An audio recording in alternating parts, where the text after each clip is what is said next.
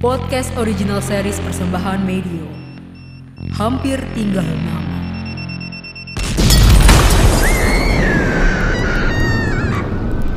Saat mereka bisa selamat.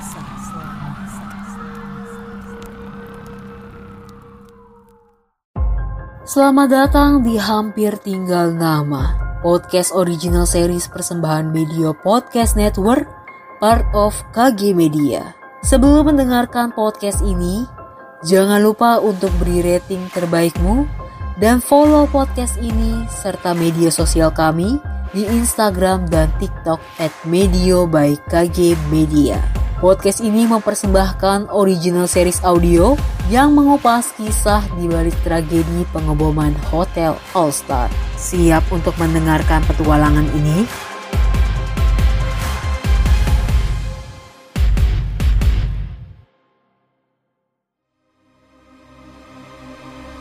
Kisah kali ini menceritakan mirisnya perlakuan seorang wanita akibat pelecehan secara fisik maupun verbal.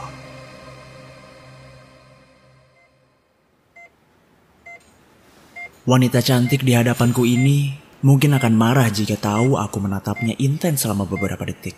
Sayangnya, dia masih memejamkan mata dan memilih jadi bunga tidur saat dunia terlalu keras padanya beberapa akhir ini. Sehat selalu ya. Aku mengusap rambutnya dengan lembut sambil terus mendoakannya agar dia tidak merasa sakit lagi.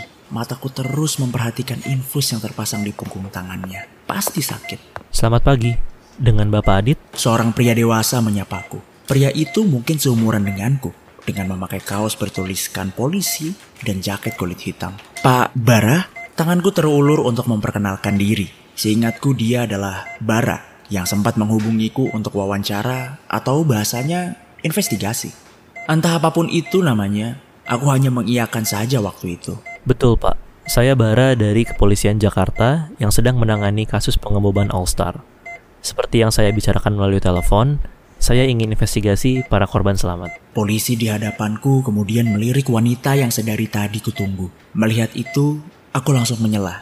Eh, maaf, Bu Rahel sedang dalam kondisi yang tidak memungkinkan untuk ditanyai. Dia juga belum sadar saya asistennya, dan hampir setiap waktu Bu Rahel bersama saya. Jadi jika perlu apa-apa bisa... Oh, oke oke, maaf Pak. Bagaimana kondisi Ibu Rahel? Bu Rahel masih belum sadar Pak. Mungkin kita bisa mengobrol di luar? Boleh Pak, mari silahkan. Kami melangkah keluar menuju tempat tunggu para tamu. Saya izin merekam sebagai bukti investigasi ya Pak. Boleh, silakan saja. Tidak masalah. Sebelumnya, Bu Rahel sendiri sudah berapa tahun ya Pak? Terjun sebagai direktur di perusahaan. Hmm, sekitar tiga tahun kalau saya nggak salah hitung. Dan malam itu, Ibu Rachel datang sendiri ditemani Anda, betul? Betul. Seperti yang saya bilang tadi, dia selalu saya temani karena saya asisten pribadinya. Lalu, kenapa Anda dan Ibu Rachel keluar di pertengahan acara yang penting itu? Penting? Mau berapa kali pun saya pikir, bagi saya acara itu sama sekali nggak penting. Isinya hanya orang-orang becundang dan kotor. Orang-orang yang gila relasi dan memanfaatkan manusia yang mereka pikir lemah. Sorry, sorry maksudnya? Maaf pak sebelumnya. Tapi itu kenyataannya, Pak Bara. Kalau boleh tahu, apakah Ibu Rachel terlibat masalah dengan para korban yang sudah tiada? Sebenarnya ini bukan hal yang patut untuk diceritakan. Karena saya tidak ingin mempermalukan Bu Rachel. Tetapi saya pikir saya harus menceritakan hal ini kepada pihak polisi agar tahu perilaku para pengusaha dan politikus di luar sana. Bu Rahel kerap kali mengalami pelecehan verbal dan diskriminasi. Dadaku kembali memanas dan emosiku rasanya sudah di ujung kepala. Saat ingat Rahel, aku juga jadi ingat hari-hari di mana Rahel dipermalukan oleh orang-orang biadab tanpa otak dan sisi kemanusiaan. Kejadian itu sering terjadi di kantor ketika investor datang ke ruangan Rahel untuk membahas beberapa hal. Adit, please, kamu ikutan masuk ya. Baik, Bu. Wah, si cantik. Ya, mereka memang sekurang ajar itu. Rahel tersenyum tipis dan duduk di sofa ruangannya. Aku bernafas lega ketika sadar jika hari ini Rahel memakai celana bahan dan kemeja panjang yang tertutup. Langsung saja ya Pak Jason. Adit, uh, mana data yang saya? Wow, wow, tenang. Kamu gak mau kasih kita minum dulu? Mumpung ada asisten kamu di sini.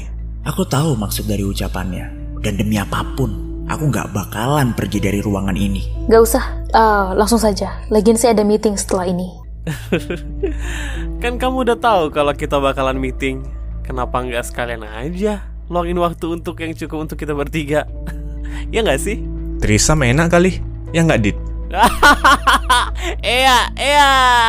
Kakiku sudah melangkah maju, namun tatapan Rahel menahanku seolah menyuruhku untuk tenang.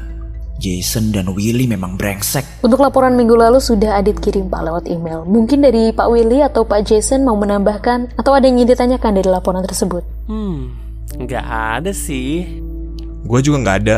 Tapi kalau Rahel mau adain party karena berhasil bikin produk kita meningkat, boleh banget sih. Dua tahun ini kan Rahel berhasil ningkatin produk kita sebesar 40%. Jadi, bolehlah kita adain after party di bar biasanya. Ya nggak, Will? Yap, bener banget. Nggak ada yang ingin ditanyakan dan omongan mereka melantur ke mana-mana. Buat apa datang ke kantor? Benar-benar menguji kesabaran. Maaf Pak, perjalanan saya masih panjang untuk perusahaan ini supaya lebih baik lagi. Kalau tidak ada yang ingin dibahas, mungkin saya bisa melanjutkan agenda saya selanjutnya Pak. Lah, mau ke mana kamu, Hel? Saya ada meeting penting sebentar lagi Pak. Sini dulu lah. Aku udah luangin waktu loh buat kamu. Yang nggak mungkin kan kamu sia-siakan. Kalau hasil laporan minggu depan menurun, Bapak memangnya mau rugi? Tidak kan? Maka dari itu biarkan saya pergi untuk meeting. Permisi. Ekspresi Willy dan Jason berubah kesal. Tapi aku tahu mereka tidak bisa berkutik lagi. Pamit undur diri dari mereka, aku segera berlari ke Rahel. Berjalan di belakangnya dan melihat bahwa tubuhnya bergetar. Kejadian tadi memang sudah berulang kali terjadi.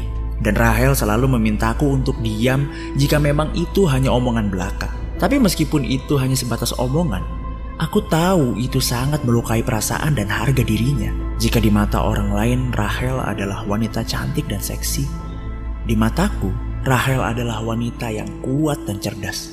Meski dia kuat, aku ingin melindungi dia dari kejamnya dunia. Meski mungkin yang kulakukan hanya berdiri di belakangnya. Loh, loh, Adit, mau ke mana? Kenapa ada di kantor dini hari? Sebuah suara tiba-tiba menginterupsiku, membuatku terpaksa berhenti. Ehm, saya mau menyusul Bu Rahel, Pak Andre. Ngapain? Ke mana? Ke acara cocktail party? Eh, iya Pak. Duh, nggak usah lah. Kenapa begitu Pak? Saya sudah suruh dia ke sana sendiri. Ini saya mau ke sana, jadi kamu gak usah ikut. Aku terhenyak di tempat. Rahel ke sana sendirian di tempat seperti itu. Tapi kan Ada apa sih? Rahel itu sudah dewasa.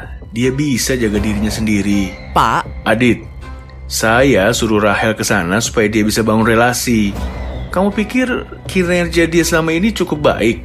Sudah cukup bagus? Terus dia bisa seenaknya begitu aja? Biar dia ke sana sendirian. Kamu kenapa jadi cranky begini sih? bukan begitu Pak.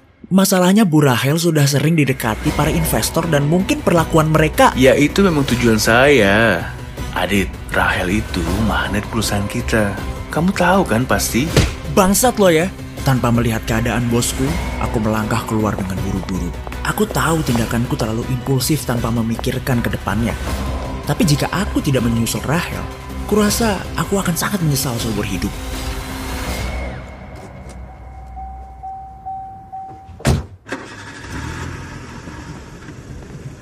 Jam di mobil sudah menunjukkan pukul 23 lewat 35 menit. Jalanan ramai karena efek tahun baru dan sedari tadi aku sudah berusaha ngebut semaksimal mungkin tanpa pikir panjang. Halo, Bu Rahel?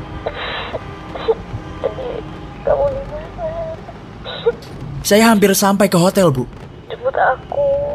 Mereka jahat banget. Sebentar, Bu. Saya ke sana. Tolong jangan dimatikan teleponnya. Hmm. Aku di depan ya, Dik.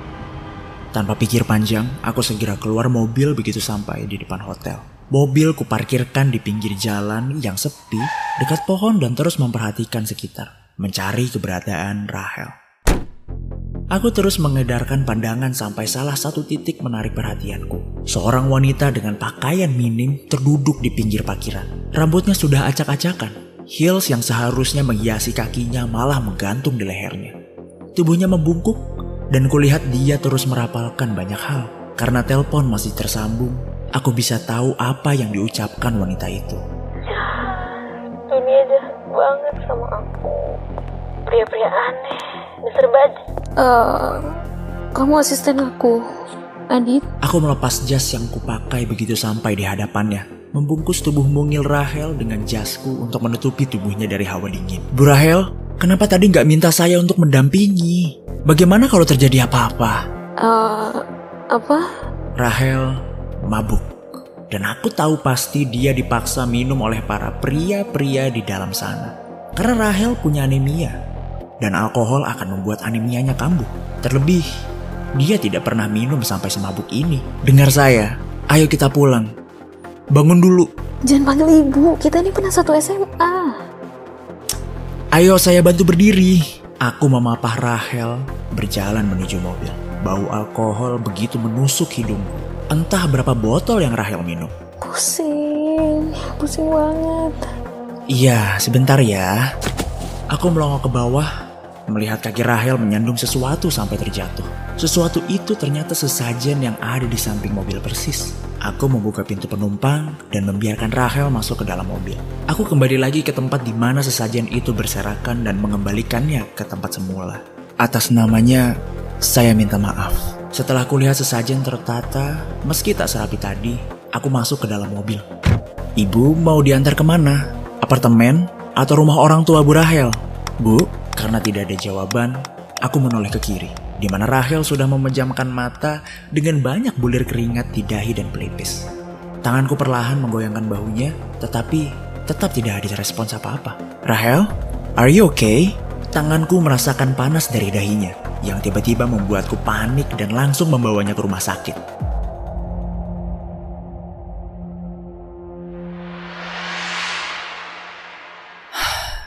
Kira-kira begitu Pak Bara. Kata dokter sendiri, Bu Rahel butuh istirahat beberapa hari.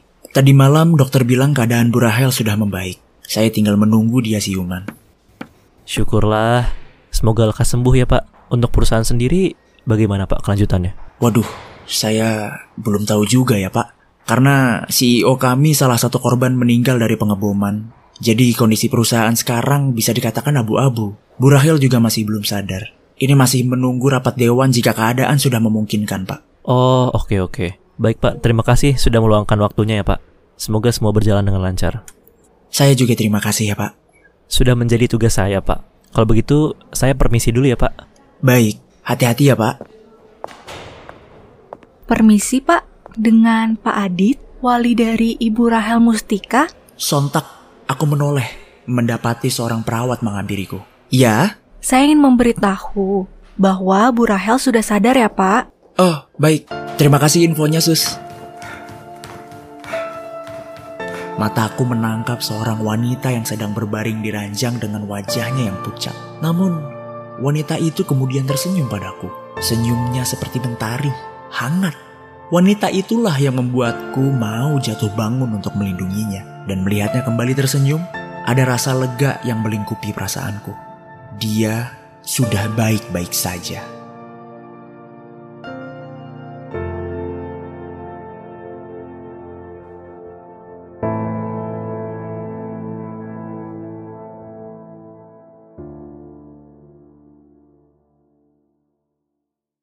Podcast original series persembahan Medio. Hampir tinggal nama.